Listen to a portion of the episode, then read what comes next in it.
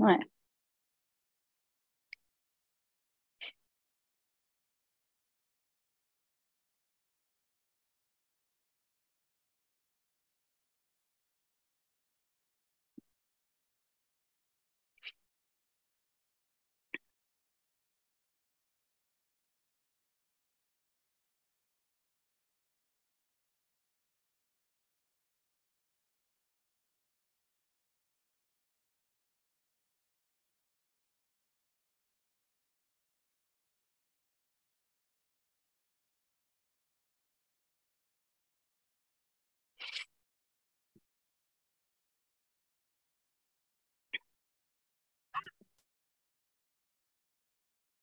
Här är vi live.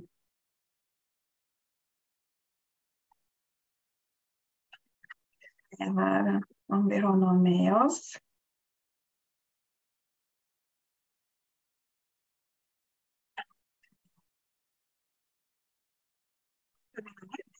Jättebra, då kan vi testa. Kan ni vara snälla och skriva om ljudet hörs bra, både från mig och Susanne. Susanne, du får säga någonting så att vi... Ja, hej och välkomna. Hoppas att ni hör mig. Det hörs. Det, det är bra. Det är alltid den där nervösa delen. Jag vet aldrig. Det är alltid någonting tekniskt som kan... Precis. Mm. Båda hört bra, jättebra. Tusen tack. Så fint. Mm. Det här är så trevligt att ha med oss. Flera stycken här på en gång. Så skriv gärna var ni bor. Jag vet att jag ska kunna lyssna här både från Sverige och Norge. Ja, ja precis. Jo, men jag... Nu ser ju inte vi dem, utan nu är det bara vi. Jag hälsar dig varmt välkommen Susanne som är verkligen superduktig på allt kring sorg och sorgbearbetning och du ska berätta just eh, sorgen hos barn och unga. Vi ramlar in här varifrån människor lever. hittills. Så, så varsågod Susanne och presentera dig själv. Ja, Eh, tack så mycket och eh, ja, jag säger också välkomna men inte ser ansiktet på er. Men jag tror att det är några jag känner sedan innan och det är väl bara roligt. Eh, bor nere i Skåne som ni hör och eh, har jobbat med barn och unga i hela mitt liv.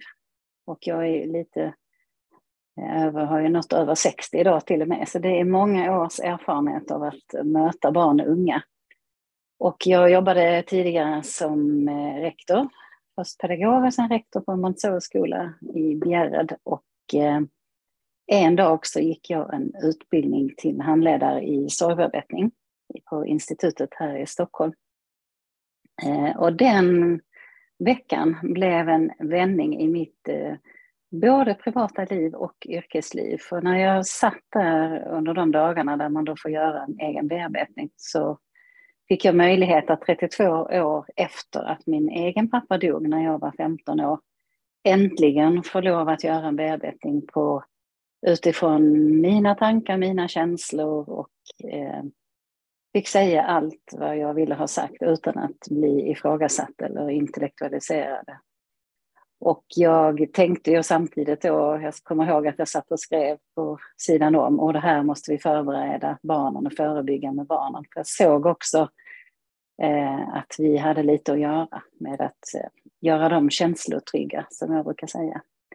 Så då eh, blev det några år till och jag började samarbeta med Anders där. Jag utbildade, stängde skolan i tre dagar och hade alla 40 lärarna på tre dagars sorgbearbetning för att jag kände att jag ville ge dem ett verktyg. Eh, för tyvärr är det ju så att vi möter det. Det händer. Och det händer på arbetet och det händer privat. Eh, och eh, 2008 så slutade jag på skolan och började jobba som kursledare på institutet och startade mitt eget företag Spiro Sorgcenter i Malmö och hade väl från början tänkt att jag bara skulle fokusera på barn och sorg. Men det blev inte så. Min mamma blev sjuk efter några år och fick obotlig cancer. Så då dröjde det några år. Så jag orkar inte riktigt dra igång allting. Så, men sedan några år tillbaka så är jag, knyter jag ihop säcken både med yrkesmässigt och livet. Att eh, få lov och eh, utbilda och eh, föreläsa, kommer kanske in på det sen, vad jag gör. Men eh, det är ju det som eh, mitt hjärta brinner lite extra för, det är de, de barnen och de unga. Att ge dem hjälp i tid. Mm. Det är alltid så att det är just ens egna förluster som gör att man kommer in på den här banan, att man vill mm. ett erbjudande här nu som är med. Som är live. Just nu är det 13 stycken. Vi får, det kan bli fler. Eh, mm. Så av alla som är med live här ikväll så kommer vi lotta ut två stycken böcker. När mammor dör heter de. Kan vill du visa? Ja, jag tror att det blir bra så här. Det blänker lite kanske.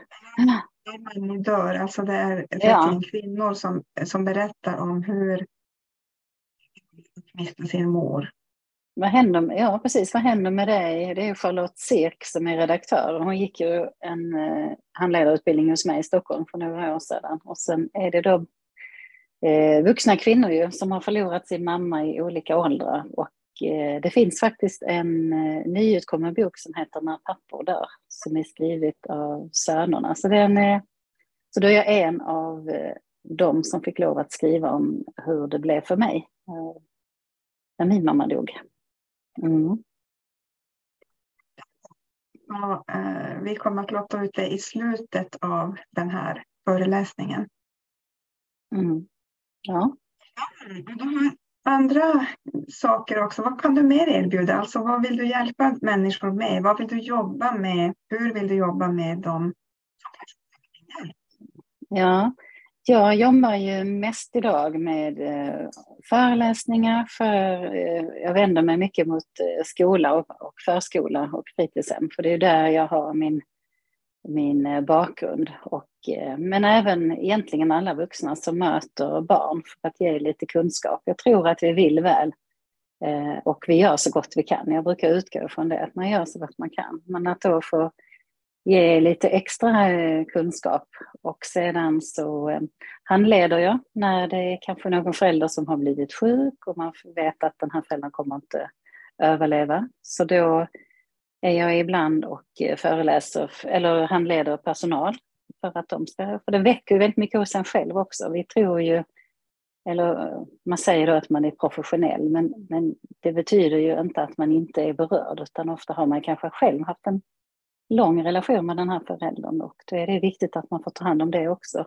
Och man kanske har barn i samma ålder, det väcker mycket. Jag hjälper också, eh, träffar också barn och unga som bor då i mitt närområde. Och om de, eh, många gånger så är det kanske då när, om man har förlorat en förälder eller som nu ska jag snart eh, till ett, eh, en familj där den ena föräldern har en obotlig sjukdom och då är jag tillfrågad att hjälpa barnen i den processen. Så det är ju det, jag vill egentligen hjälpa hela familjen.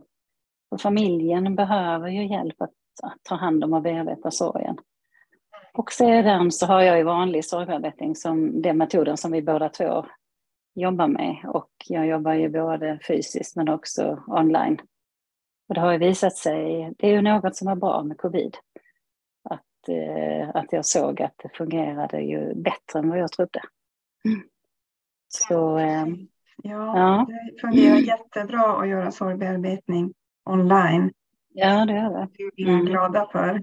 Ja, man kan ju nå fler. Mm.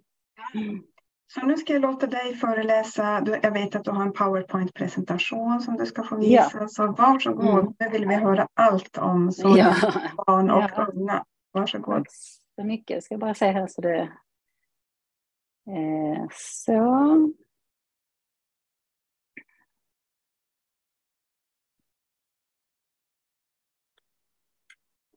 Barn och sorg då ja.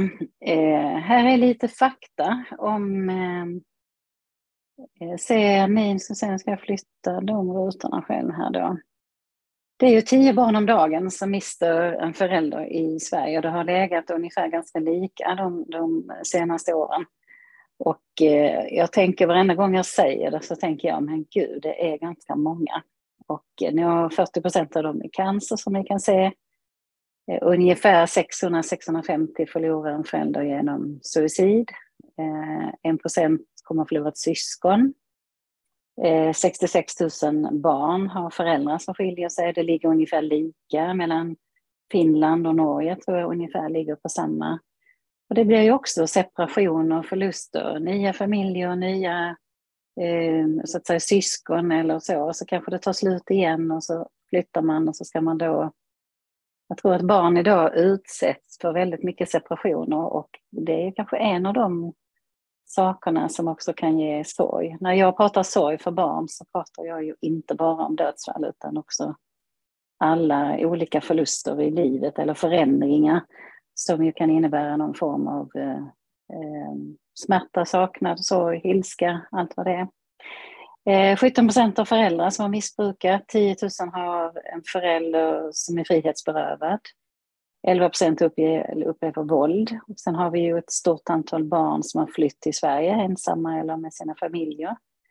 Vi har också mellan 1000 och 1400 barn som föds med intellektuellt funktionshindrade föräldrar som då kanske inte klarar av sitt föräldraskap fullt och fast utan man får också, eh, ibland blir man omhändertagen men man vill ändå försöka få till en, en god relation med föräldrarna. Men det blir också många eh, många ja, separationer där också, otrygghet. Man vet inte riktigt hur länge får jag stanna här och får jag bli här alltid? Och, och samma om man är familjehemsplacerad så lever ju de barnen också i att eh, man inte riktigt vet förrän det kanske har gått ett tag. Så eh, det är väl det som jag brukar, nu ska vi se här, vad händer här nu då? Ja, så, och de här lagarna styr ju. Vi har ju barnkonventionen. Vi i Sverige var ju väldigt sent på det, att göra FNs barnkonvention till lag. Men vi har ju i alla fall lagar som talar om vad vi ska göra. Eh, vilka rättigheter barnen har. Det är likadant i socialtjänstlagen och vi har ju sedan 2010 en an, patientlagen. Det handlar om barns rätt som anhöriga att få information. Eh, och det är ju när en förälder är sjuk. Det kan vara psykisk ohälsa, det kan också vara som det här då att man har en förälder som är, har en obotlig sjukdom och då säger man i lagen att barnen har rätt att få den informationen utifrån ålder och mognad såklart och att med goda på ett, på ett bra sätt. Ju. Och även skollagen tycker jag då har att man, eh, det finns faktiskt eh, det det som är svårigheten är ju att vi har ju lagar vad man har, barn har för rättigheter, men vi säger ju inte vem som har skyldigheterna. Och vi är inte lika stränga där, utan och jag skulle ju önska då att vi i Sverige hade nationella riktlinjer för barn och unga eh, och hur man tar hand om dem. När, framförallt är det ju då kanske när en förälder är död. Att vi vet ju också, som jag kommer tillbaka till sen, forskningen Ehm, att, eh, att det är ehm, eh, vad ska jag säga, man ser att de har, har problem, kan få problem i framtiden. Men det är ju det mest dramatiska som kan drabba ett barn och en ungdom. Eh, och eh, det är ju en, en normala kris och sorgreaktioner har de, men det är ju, är ju utifrån en helt onormal situation. Eh, men det betyder inte att alla, det är ju en traumatisk händelse, men det betyder ju inte att alla barn och unga blir traumatiserade.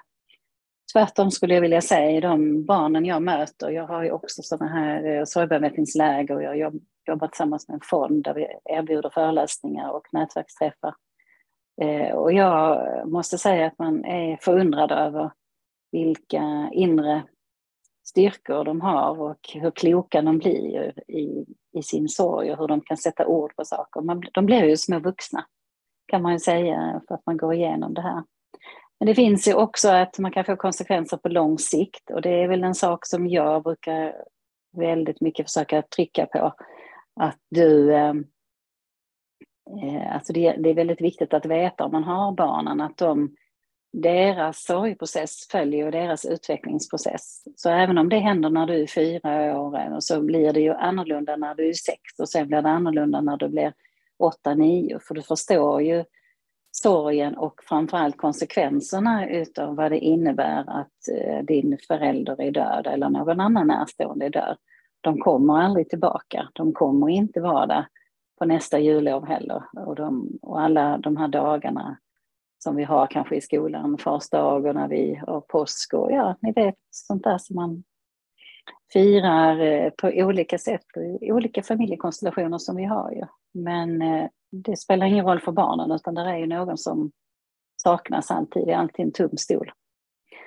Och det kan bli så här att är, man har också sett att ångest och social tillbakadragen, tillbakadragenhet efter två år efter dödsfall. För det är lite grann så att det kommer mycket senare än vad vi vuxna tror kanske många gånger. Och vi tänker att ja, men nu ser det ut som att de mår som vanligt. Och de kämpar ju på. Skolan och fritids och aktiviteterna kan också vara en frizon där man inte pratar om sorgen. Så ibland är det skönt att få komma någon annanstans. Och på samma sätt så möter jag eh, ofta de på högstadiet där kraven ökar. Och så blir det ju mer du närmar gymnasiet du ska till exempel, så ju större krav blir det och då ökar ju också det här med att man har koncentrationssvårigheter och då kommer konsekvenserna.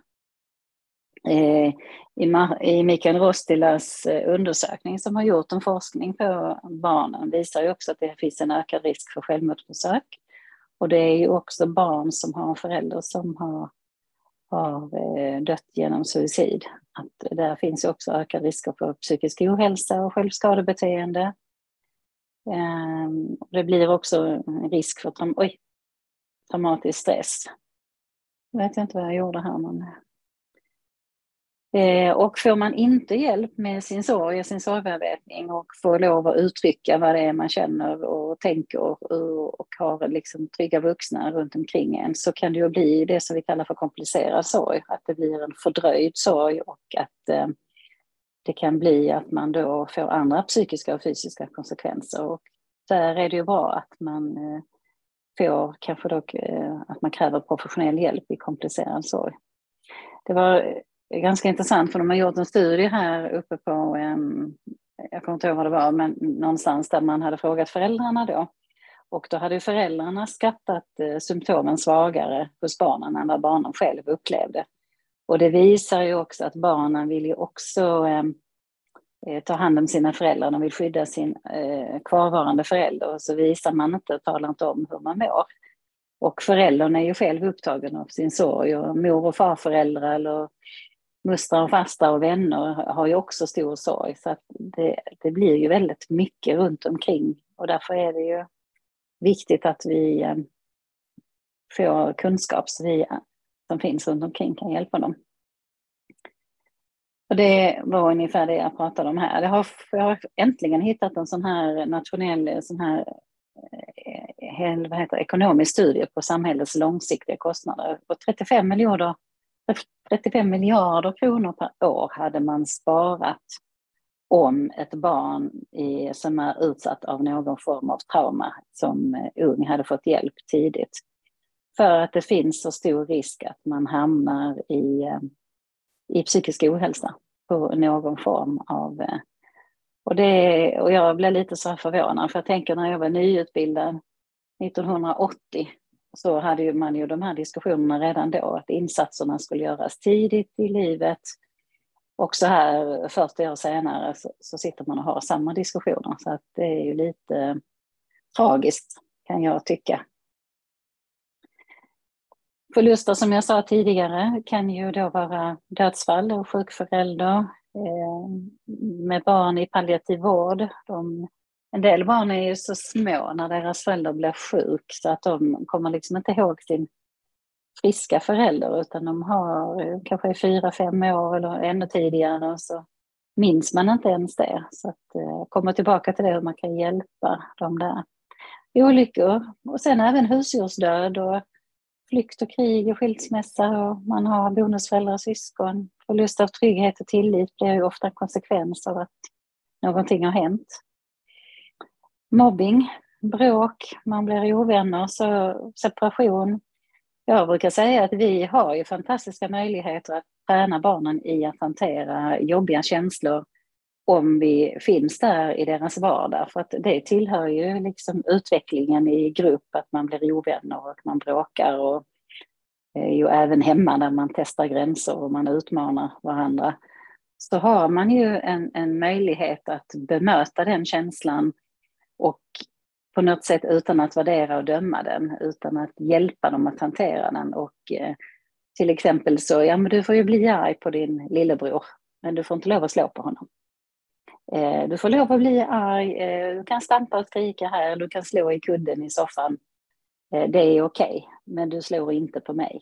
Så att det här som, som ju är ganska enkelt och ledsen, liksom, ja men var ledsen. Vill du ha en kram eller vill du göra? Så att vi ger dem, för de verktygen har man ju också sett, pratar man ju också om idag med de unga med psykisk ohälsa, att de har inga verktyg. Vi har på något sätt, jag tycker inte om att använda ordet curla för att jag tycker vi, har, vi försöker göra det så bra som möjligt. Men i vår omsorg om våra barn och unga att de ska ha det bra och att de inte ska Eh, vi vill inte liksom se dem gå igenom smärta och så. så. Så det som blir en konsekvens där för en del blir ju att de får inte heller verktyg för att hantera livet när det blir svårt. Och livet innehåller ju så att säga normala saker som eh, eh partnern gör slut eller kompisen eh, går till någon annan eller så här. Så det finns ju många saker som tillhör livet där man behöver ju kunna hantera att man blir ledsen, man blir arg och Eh, ja, allt vad som innebär frustrerad och sorgsen och vad det nu kan vara för någonting. Så vi, vi ger ju dem en möjlighet faktiskt och, och det är vårt vuxenansvar att vi behöver ge dem verktyg för att hantera. Sen kan man aldrig veta innan vad det gäller um, dödsfall och sjukdom och olycka och så. Eh, ja, vi har ju, vi brukar prata om det här på, så, på, eh, eh på intellektuella kommentarer, att vi lite grann socialiserade till att vi försöker se på sorg. Sorg är ju känslor, det är en normal och naturlig känslomässig reaktion. Det är någonting vi behöver lära oss att hantera. Det är liksom inget problem som går att lösa. Eh, och förr i tiden, långt tillbaka, så hade vi redan på Freud, så hade man ju en syn på att sorg skulle, när någon var död så skulle man plocka bort allting, man skulle inte prata om dem. Och så försökte man ta bort den personen ur, ur livet. Sedan, och därutav kanske de här kommentarerna kommer att ja men var inte ledsen, vi köper en ny kanin eller var inte ledsen, kom så tar vi en glass. Och så försöker man ersätta den negativa känslan i det här fallet med en ny, nytt husdjur eller en mat eller farfar är i himlen. Och då har vi det här med metaforer som ju absolut inte ska sägas till eh, barn under 4-5 år, för de är väldigt konkreta i sitt tankesätt. Deras hjärna har inte förstått att, eh, att, det är, eh, att det inte är så, utan de tror ju verkligen att de sitter på ett moln. Ja. Och det här som vi försöker lite hurtfriska, men nu får du fira två födelsedagar, två jular, eh, nu så ser du här att eh, eh, vid en skilsmässa, men det är kanske inte det de är ledsna för, utan de är ju ledsna för att de vill ha, eh, vill kanske att deras föräldrar ska bo tillsammans. Att mista en förälder är ju redan från spädbarn brukar jag prata om att man ska prata till spädbarnen. Man ska se till att de har ju ett känslomässigt eh, eh, de kan ju bara prata känslor så att säga, så det är viktigt att man säger, precis som man byter blöjor och googlar med, eller gullar med dem sådär, så ska man också tala om att man sätter ord på det man känner, för då blir det en samstämmighet för spädbarnet och då känner de sig trygga. För det finns också en risk att de kan bli ensamma i sorgen för att man tänker att de förstår inte och de vet inte. Men de är ju väldigt intuitiva och lyhörda. Så det är ju viktigt att, eh, att man också tänker på att spädbarnen får vara med i de här sammanhangen eh, där det går och på ett sätt som att ja, men det är okej okay att vara ledsen, men att jag då säger att, Ehm, att jag är det. Ehm, den, barn upp till fem år förstår ju världen genom sina föräldrar. Ungefär vid tre år så får man ju ett eget jag, man blir en egen individ. Vilket ju kan vara väldigt skrämmande och det är väldigt utmanande för de vuxna runt omkring för då testar man sina gränser. Ehm, men här är det återigen eh, inga metaforer att mamma har somnat in eller pappa har gått bort och så kommer de aldrig tillbaka och det i sig kan ju skapa en väldig rädsla att eh, jag tror att, eh, eh att de ska, ska komma och då blir det ju sömnproblem och tillitsbrist. Deras eh, uppfattning är ju cirkulär så att de kan ju fråga men är, är mamma fortfarande död? Och så tror man att de liksom ska eh, uppstå igen. Och sen efter fyra, ungefär fyra år där så utvecklas ju fantasin och de förstår att de är en egen person. Och då börjar de ju kunna fantisera och också tänka att okej, okay, någon annan kan känna något annat än vad jag känner. Och då blir det liksom en, eh, en väg till att också börja förstå sen att eh, de eh, upp mot fem, sex där så förstår man att död är död. Men jag brukar säga eh, liksom upp mot sju, åtta år, de, de, kan inte riktigt ta in det här med att föräldern aldrig kommer tillbaka. Så det är viktigt att man har det med sig, att det kan komma en sån här liten tanke kvar. De, kan vara väl, de är väldigt konkreta och, och vi brukar säga att barn har rätt till sanningen. Så även om, om det är hemskt, och det är det ju såklart, så är det ändå så att man eh, eh, ska säga det utifrån ålder och mognad och eh, svara på det de frågar om, inte mer och inte mindre. Och vill de veta mer så brukar de ställa fler frågor. Och eh, det är inte ovanligt att små barn också i drömmarna och så letar man efter den döda föräldern. Och väldigt mycket med mardrömmar och så kan också vara. Eh, jag brukar säga också barn och unga sorgreaktioner rent generellt. Det är ju egentligen ganska likt oss vuxna. Skillnaden är ju att de är barn och vi är vuxna. Vi kan ju då gå en kurs som jag gjorde fem dagar och så kan jag bearbeta en del av mina förluster. Men barn växer ju med den. Så när, när sorgen har kommit in i deras liv så flyttar den ju in och då går ju den hand i hand med dem. Eh, och den förstås och upplevs ju på, utifrån deras utveckling emotionellt och intellektuellt och själsligt också brukar jag säga. Att jag tycker det är viktigt att man har med och de är ju så väldigt olika alla barnen. Men det blir ju också lätt att man har svårt att koncentrera sig, man är kanske mycket sjuk, man är hemma och eh, man kan också få rent fysiska eh, problem, liksom ont i magen eller man kan bli utåtagerande man kan bli inåtvänd. Eh, så det gäller ju att titta på barnens beteende och se vad händer här någonting? Eh, det är okej okay att gå tillbaka i utvecklingen, vilket många gör ett tag, men du ska ju helst inte stanna där då, så då får du ju kanske eh, prata och prata med någon som ju kan det här och eh, man försöker att diskutera så man är observant. Och de kan ju också fått för sig att det är deras fel och de känner skuld över att de kanske har sagt dumma mamma och sen så visar det sig att mamma blir sjuk och dör. Eh, och då kan de ju tro att det kanske är mitt fel. Och som jag sa här tidigare, mycket mardrömmar och nattskräck.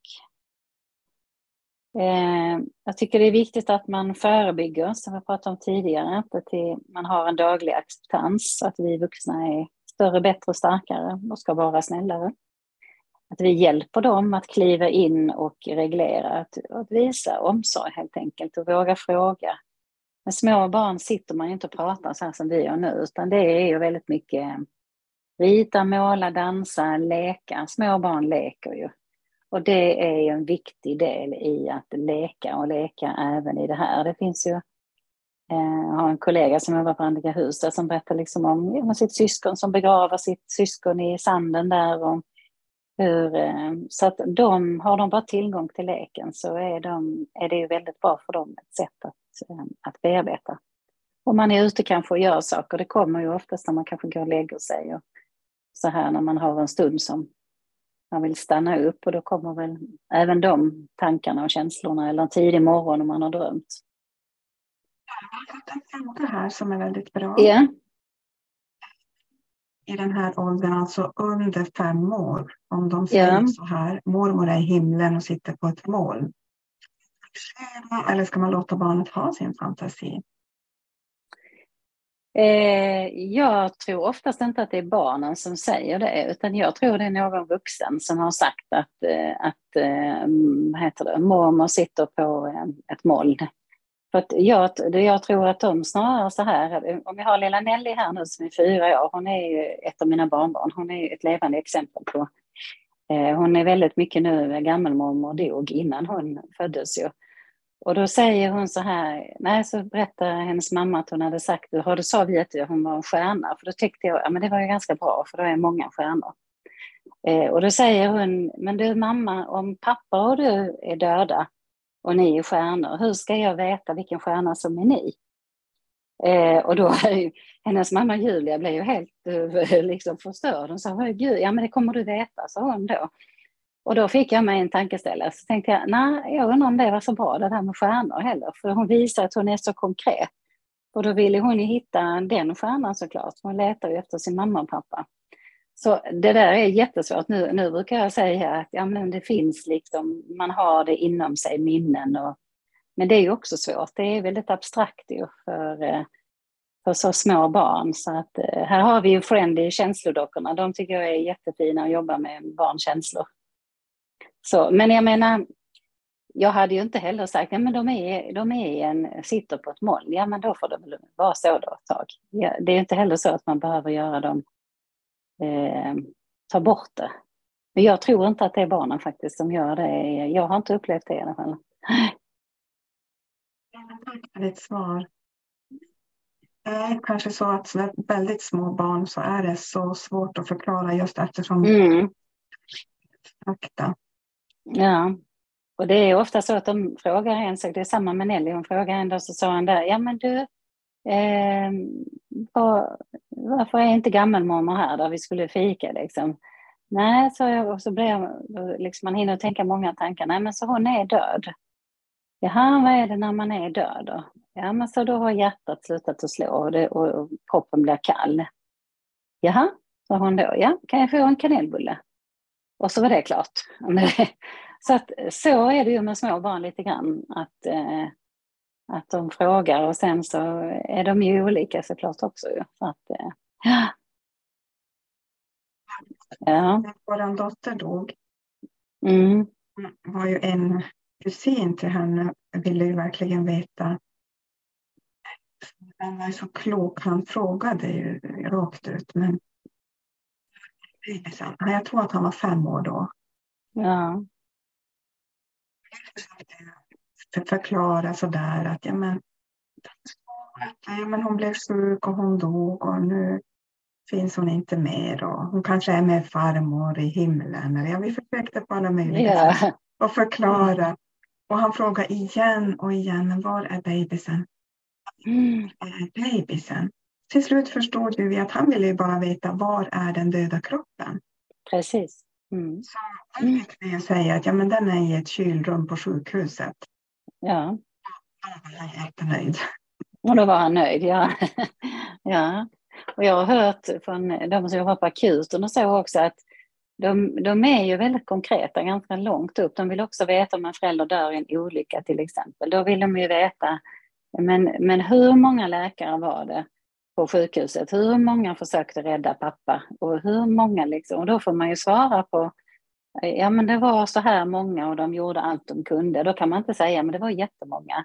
För det blir för flummigt, det blir för abstrakt. Utan de var två narkosläkare, de var fem kirurger eller, eller vad det nu är. För då, och så nöjer de sig med det då, för det, det är ungefär det de kan ta in liksom, i, eh, i den situationen. Så det är, ja, det, är inte lätt och det, och det är ju framförallt svårt när man själv är berörd också. Så är det ju. I, uh, men de kommer ju fråga mer. Kommer fråga mer sen. Det kommer nya frågor som är på deras nya åldersnivå senare. Ja, ja så är det. Så att det. Ja, ska vi gå vidare till nästa ålder? Ja. En sorglåda, ja men det brukar jag säga till en som finns på, eh, ja det kan man ha hemma också. Eh, vi, jag kommer ihåg på skolan, då gjorde man ju alltid de här vita krislådorna som eh, och, och, så har jag tänkt sen efteråt, men det är ju helt eh, dumt är det liksom. Då har vi vuxna bestämt att det är ett ljus och lagt ner någon bok eller så här. helt så här vuxentänk, utan gör de lådorna tillsammans med barnen. Man kan ju ha en sorglåda och jag tycker också att man ska börja prata sorg. Vad är sorg för någonting? Och att använda de rätta orden. För att om vi gör det när de i tidigt i livet så blir det ju inte så laddat som det är för oss eh, som aldrig liksom har fått prata om det. Och, och på min tid så fick man ju absolut inte prata om det. Men att man gör det tillsammans med dem och att man där har man ju möjligheten. Men vad kan man ha i den då? Vad kan vara, vad kan vara tröst? Och, och sen gör man ju olika för olika åldrar. Och på, blir de lite äldre kan man ju ha tema om döden och vad händer då med kroppen och var begravs man och hur går det till? Och finns ju vissa åldrar när barn är ju jätteintresserade utav det. Sen så liksom kommer det där på mellanstadiet, ja men då har du det här existentiella och vad händer sen? Och de, de eh, matas ju med så mycket information idag också så jag tror att det är viktigt att vi pratar med dem men på ett sätt som, som passar dem och att vi vuxna inte är rädda utan att vi gör det på olika sätt. Och, eh, så, att de, så att de vet det helt enkelt, vad händer? Så att det, ja. Ja, jag har en till fråga här. Mm. Jag var 13 år när mamma dog. Mm.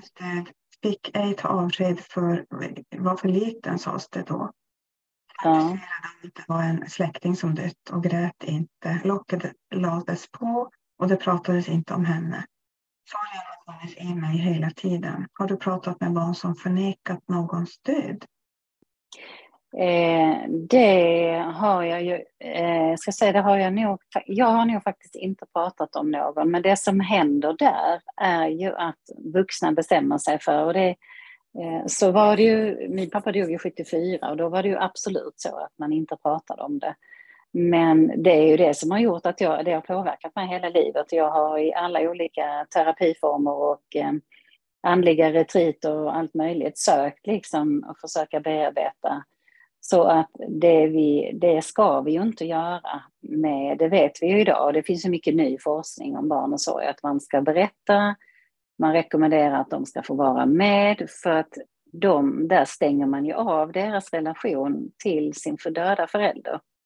Och idag är det ju tvärtom, att man försöker uppmuntra att eh, fortsätta relationen, för du har ju en känslomässig relation alltid, och att omgivningen istället kan hjälpa till genom att berätta egna minnen kanske från den föräldern och att man jag brukar rekommendera att man gör en minnesbok, ett album, att man får vänner och andra som berättar om ens förälder så att man får en bild av hur de var som människor.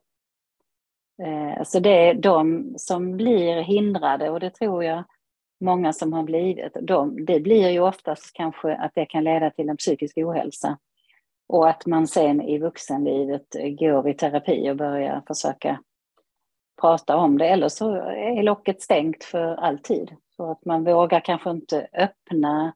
Jag tror det upplever jag ju på sorgbearbetningen av vuxna, att man är väldigt rädd för att öppna det locket till alla de starka känslorna som finns inom en och tänka då, vad händer med mig nu då? Kommer jag bryta ihop? Kommer jag liksom, vem tar hand om mig om jag försöker att känna?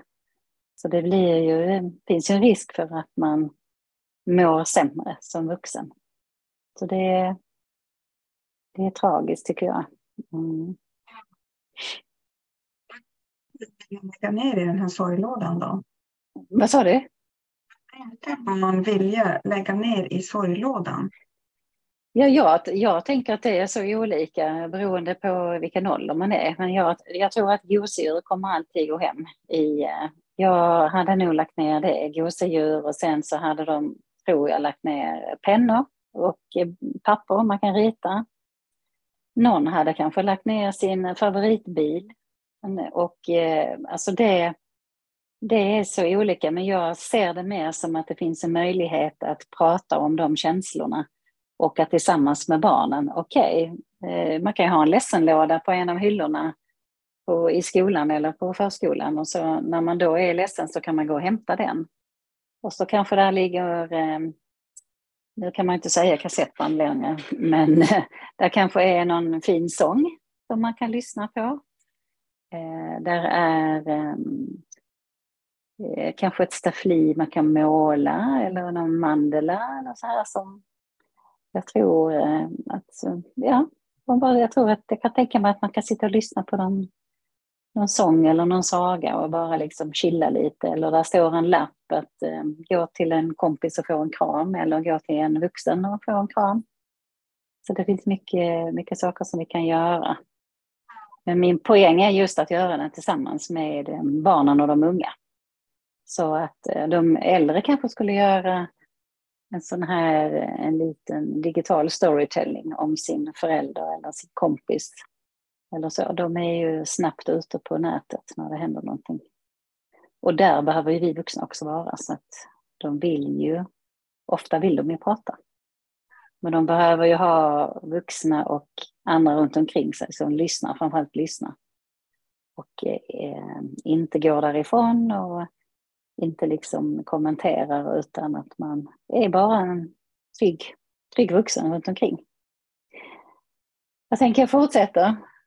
Eh, Inga skolbarn, de har man ju förstått att död är död och eh, det visar sig oftast att man har förlorat någon så har man oftast väldigt svårt för separationer. Det här att sova över hos någon, åka på skolresa är, ehm, är ofta svårt för att man är så rädd att det ska hända någonting. Och till dem kan man ju inte säga heller att ja, men det, det är så ovanligt, det händer inte. Nej, men de har ju varit med om att det har hänt så att det, det går ju liksom inte utan de har ju den upplevelsen. Eh, men de förstår ju också orsakerna och konsekvenserna utav att, eh, att det har hänt någonting. Och eh, lätt att få skuldkänslor ta på sig, en kommer tillbaks eller det var mitt fel. Jag hade en tjej som var lite äldre som hade då eh, vänt bort kinden när eh, hennes föräldrar ville säga godnatt eh, och det visade sig då vara sista kvällen. Då, men då var hon liksom lite tonårstjej och så här som det brukar vara. Men det visade, sen blev det ju så att den här föräldern dog dagen efter. Och det var ju en av de sakerna som hon gick och som snurrade runt i huvudet på henne och som hon hade jätte dåligt samvete för och som hon såklart önskar. Och när jag då säger till henne, men om du hade vetat att din förälder då skulle dö dagen efter, hade du pussat då, ehm, hade du låtit då få den? Ja, såklart. Och det är det här liksom att man får ha samtalen, att man aldrig vet. Och man gör så gott man kan. Och det är svårt och det är ju inte gjort på en gång utan det tar ju lite tid. Ja, precis som vi vuxna så vill ju barnen ha det så likt som möjligt ju. Så att man inte behöver göra massa förändringar för det tar ju energi och kraft. Men tyvärr är det ju så att många gånger så drabbas ju, de drabbas ju barnen av att det kanske blir eh, mycket sämre ekonomi för att man är en eh, förälder kvar eller det är, även om man separerar eller så, så blir det annorlunda. Man kanske ska byta både bostad och skola och förskola. Så det kan bli väldigt många nya förändringar och det blir också en sån här jobbig, jobbig sak för dem. Så att kan man ha det så som vanligt som möjligt så är det ju bra för att, att det som har hänt är tillräckligt stor förändring. Och så har de också en sån här liten ansvarskänsla att jag borde ha förstått. De börjar liksom ta det på sig att ja, men han var ju han var ju tjock, min pappa ju. Ja. Eh, och, och, som kanske då dog i någon hjärtinfarkt. Jag borde ju ha förstått att han skulle ju ätit mer grönsaker eller så. Så har de det resonemanget och då, och då tar de ju på sig att, att de skulle kunna ha påverkat. Och egentligen så handlar ju det om att jag önskar att jag hade fått honom att äta lite bättre. Eller att, eh, och då så tror man att då hade inte, hade inte föräldern dött. Ju. Så att det, är, det är ju en önskan liksom om att, att de ska få vara kvar. Och barn är föräldrar, föräldrar i livets slutskede. Det är ju också en sån här svår sak som jag... Ja, jag kan inte ens föreställa mig hur det är att vara förälder. Så hur berättar man då liksom för sina barn? att man är sjuk, men sen när det då närmar sig och att det inte går att göra någonting, att man ska dö. Eh, många av de barnen som jag har träffat, de, deras föräldrar har ju gjort det, men de säger ändå att men jag förstod inte, jag förstod ändå inte, eller så beskriver de den här blockeringen, jag kommer inte ihåg, säger de. De kan ofta säga jag kommer inte ihåg någonting. För att det är väl så smärtsamt så att det liksom bara stängs av. Det är ju kroppens försvarsmekanism, att man bara stänger av. För det blir för jobbigt att ta in det där och då. Men så det är ju en, en familj i, i kris kan man säga ju. Eh, och den för föräldern också, liksom att men jag ska lämna. Jag har en förälder nu som berättade då att hon eh, skriver då brev till sina barn och har gjort eh, på deras liv tillsammans och skriver brev till dem kommande år när hon då förmodligen inte kommer att vara med. Och eh, ja, så det finns olika sätt att, att göra det där, men där behöver man ju såklart också stöd från, och är man i palliativ vård så har man ju kanske i bästa fall någon kurator som kan hjälpa barnen, men många gånger så är det också så uppdelat, man hamnar på olika avdelningar så får barnen massa olika personer som de då ska knyta an till och prata med. Och det är ju också jättesvårt, det vill de inte. Till sist så stänger de bara av och så låter de ju bli. De vill inte liksom. Så där tänker jag också att man i eh, skolan och på fritids och fritidsaktiviteter, att de, en, en trygg vuxen där är kanske ofta den som de kanske hellre går till. Att, och det är ju mer att man bara är där, som, som någon sa, hon är så mycket mer än en svensklärare. Att man kan lyssna, man har tid eller bara säger hej, hur är det idag och sådär. Nej, det är inte bra idag. Nej, men dig där och ta det lite lugnt. Och att de behöver lite extra anpassning i skolan, extra tid och få lov att bara kanske dra sig tillbaka. Barn och begravningar, som svar på den tidigare frågan där, så är det ju absolut så att man rekommenderar barnen att få vara med och de har ju också en relation, de ska ju också få lov att säga hej då. Men eh, man kan försöka förbereda dem på vad som kommer hända. I bästa fall kan man kanske gå dit dagen innan. Eh, finns det någon annan vuxen som kan hjälpa till? För, det är också svårt för de som själv är berörda utav den som är död. Så det kan ju vara skönt att ha någon annan också som hjälper till. Ja. Eh, man kan lägga någonting i kistan eller urnan och kanske sticker in ett litet teckning i kistan det är en liten glipa emellan som man kan göra. Eller på kistan eller man någon sjunger en sång eller någonting så att eh, de barn är ju är fantastiska på det sättet att de, de har en sån här oanad kraft ibland som man, man är helt förvånad över hur, hur de kan göra, hur de liksom tar sig samman där. Men det är också viktigt för dem, så de vill ju bli tillfrågade eh, hur, man, hur man gör. Liksom. Den har jag tagit innan.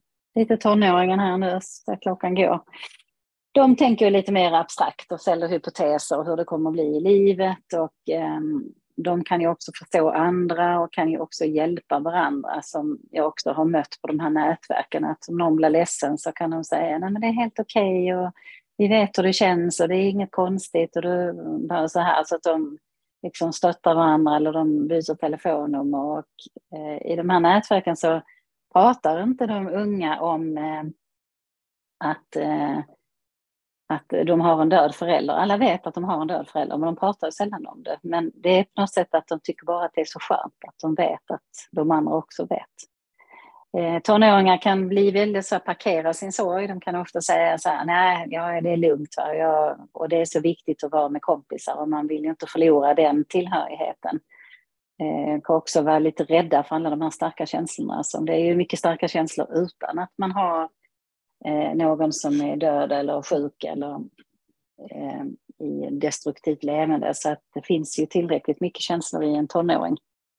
Och eh, där är det viktigt att man eh, vill då kan kunna känna att man kan ta ett steg tillbaka och eh, just som jag säger, de förnekar smärtan. De skjuter upp sörjandet och kan ofta gå in och bli nästan vuxen. Eh, om det är en annan vuxen som har försvunnit så kan de gärna ta den rollen och eh, blir väldigt beskyddande för eh, den kvarvarande föräldern och eh, är lätt att man helgonförklarar den föräldern som är borta.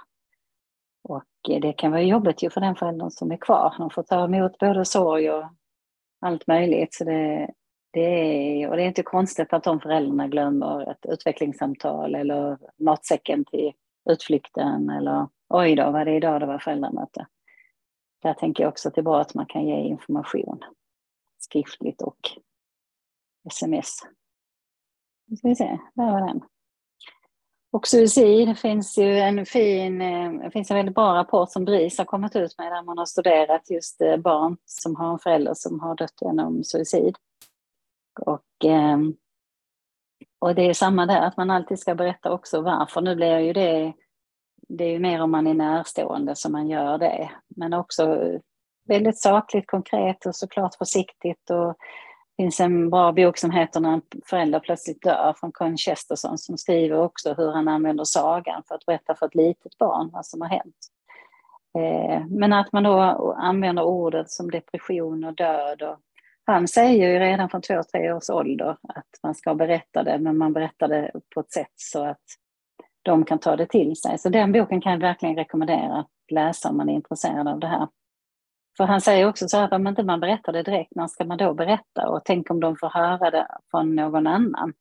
Också, och då kan man ju bli besviken att ja, någon annan, alla andra vet. Men, och det blir också väldigt konstigt, för jag menar barn är ju intuitiva och den här energin som finns runt omkring oss, eh, där man känner av att det är någonting som inte stämmer och det, då blir det en hemlighet och då då ska de andra liksom inte säga vad som har hänt och så känner barnet av, men vad är detta för någonting? Och deras fantasi är oftast mycket värre än, än vad det är, verkligen är. Och det värsta har hänt för dem. Då behöver man inte gå in på detaljer och så, men det, det, det kan jag också rekommendera att läsa rapporten. Och, ehm, eh, och det finns ju väldigt fina organisationer, både med Space, Suicide Zero och Mind, och där man också kan hitta Eh, bra information och kunskap. Ensamhet, ja, familjen har jag nu tagit. Jag tänker bara, ska vi ta den här sista här, att barns egna resurser, det är ju väldigt eh, olika också, för barn är ju olika redan. Så det är också vilken ålder som det händer i och vem dog och vad hände. Eh, vad har de för relation till den som dog? Vad, har de, vad är det för personlighet? Att de är olika olika personligheter och karaktärsdrag har ju barn. Vi är olika sköra, någon är robusta, någon är lite skörare. Vad har man för tidigare erfarenheter? Eh, hur sörjer man i familjen? Får man vara med och är det öppet och kommunicerar man? Och vilket nätverk finns runt barnen? Det har ju visat sig att det också är väldigt viktigt i all sorg, även för vuxna, att det finns ett gott nätverk, för det gör väldigt mycket för de som eh, sörjer, de sörjande, att det finns människor runt omkring. Och då kan det ju vara att man gör något praktiskt. Man går dit med bakat ett bröd eller kan jag gå ut med hunden eller kan jag bara köra hem här från en, som eh, en berättade att hon, hennes dotter hon gick på ridskola och hennes ridlärare körde henne hem varje gång, varje dag efter ridningen. Hon frågade aldrig om hon fick, men hon bara gjorde det. För att hon såg ju att mamma där eh, hade så mycket att, att ta hand om ändå. Eh, och, det, och barnets emotionella och kognitiva mognad. Så det är också, man kan inte säga att det är så här eller så här, utan det är viktiga erfarenheter eller viktiga mm, saker runt omkring eh, som har betydelse för hur barnets... Men man, man har också sett att barn har ju är ju starkare än vad vi tror också. De har, om de bara får lov att använda. Och till sist då, hur möter vi dem? Ja, man var närvarande, eh, direkt ålderspassad. Och man är trygg och när, eh, har en trygg och öppen atmosfär. Och genom det så minskar det ju barnets känsla av isolering. Det blir inte att de stänger av. Sen får man vänta till de är klara och det kommer ju pö om pö. Men att man också stöttar deras sätt och, eh, och barn är kreativa. Man kan rita, måla, spela fotboll, eh, eh, sjunga, dansa, eh, leka.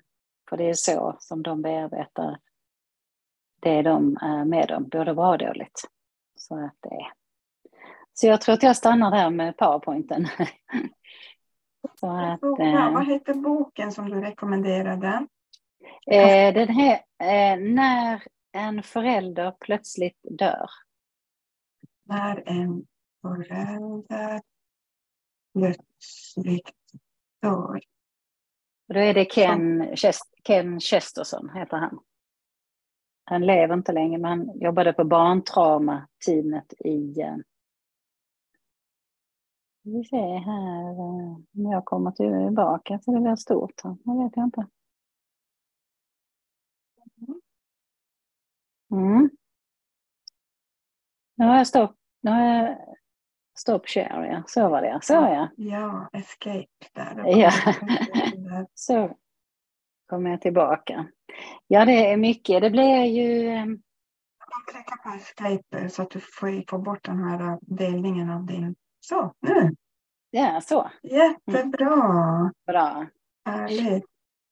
Jag brukar prata om en annan sak också, just det där att, Mm. eh, att föräldrarna eller den förälder som är kvar, det nätverk som är kvar efter att man har drabbats av förlust, att det är så viktigt att de vuxna går före och eh, läker sin egen sorg så att barnen Precis. kan komma efter. Mm. Ja. Ofta är det så att en förälder tar kontakten, för det är ju ofta så att man vill så väl och då brukar det ju landa där att om, ungefär som man säger på flygplanet, sätt på dig eh, syrgasmasken först och sen till barnen. Och det är ju samma i sorgbearbetningen, att om du gör din bearbetning så har du också verktyg för att hjälpa dina barn. Och det är ju där man är nära och det är ofta, det har ju studier visat att de flesta barnen klarar ju av det, sin sorg, sorg och sorgbearbetning och sorghantering genom att det finns vuxna runt omkring. Så att det är ju inte som vi tror, då, alla barn som har sorg behöver inte uppsöka BUP eller någon annan utan men vi behöver ha kunskap om det så att vi inte säger att Nej, men det där går över. Eller, Mm. Det är viktigt att, man får, att det får finnas där. Mm. Mm. Jättebra, nu har vi några minuter kvar bara och då ska vi lotta ut eh, Ja, böckerna. mm. Och, och eh, jag har skrivit in här några gånger i, i tråden din e-postadress. Så att om den som lyssnar här nu vill få kontakt med dig så har ni Susannes e-post här i tråden. precis. Så det är lättast. Då undrar Mm. jag, är vem av de 14 som är kvar med oss live nu, eh, vem vill vara med på utlottningen? Då får ni skriva ja i tråden. Det är lite fördröjning här.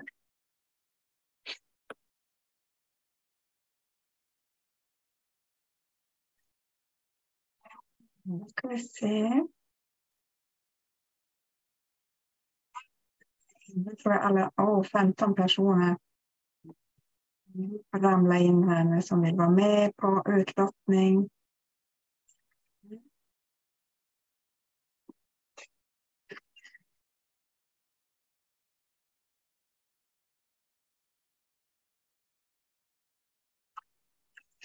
Visst hade du två böcker eller? Ja, två böcker. Ja.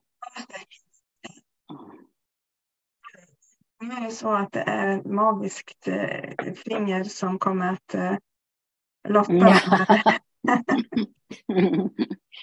Mm. Och jag väljer helt enkelt. Jag är utlottningsmaskinen som väljer Mm. Nadja. Alvemyr. Nadja Ferry Yasin och Anna Alvemyr. Och jag skriver eh, till er. Igen här eh, Susannes e-post. Vi skickar eran Adress, ja. Mm. adressen behöver Susanne. Så grattis, då får ni en Ja. jättefin bok när mammor dör. Ja, verkligen. Så grattis! Ja, jag vill tacka dig så väldigt mycket Susanne för att du tog dig tid att vara med här. Eh, Det här avsnittet kommer att ligga kvar ett tag. Och det kommer också finnas sen på Youtube och podcast. Så eh, jag kan dela med dig av så värdefull kunskap och tillsammans så ska vi verkligen hjälpa ännu fler familjer. För det Det har både du göra. och jag som kall. Att Ja, det har vi. hjälpa Mm. familjer mitt i sorgen. Verkligen. Mm. Tack själv. Tack för att ni har lyssnat. Mm. Susanne, jag är jätteglad att eh, du ville vara med och jättefin presentation verkligen. Och det är många som skriver här tack och grattis, jättebra. Så tusen tack och hej då. Ha en jättehärlig onsdagkväll nu allihopa. Ja, tack. Nu avslutar vi. Hej då.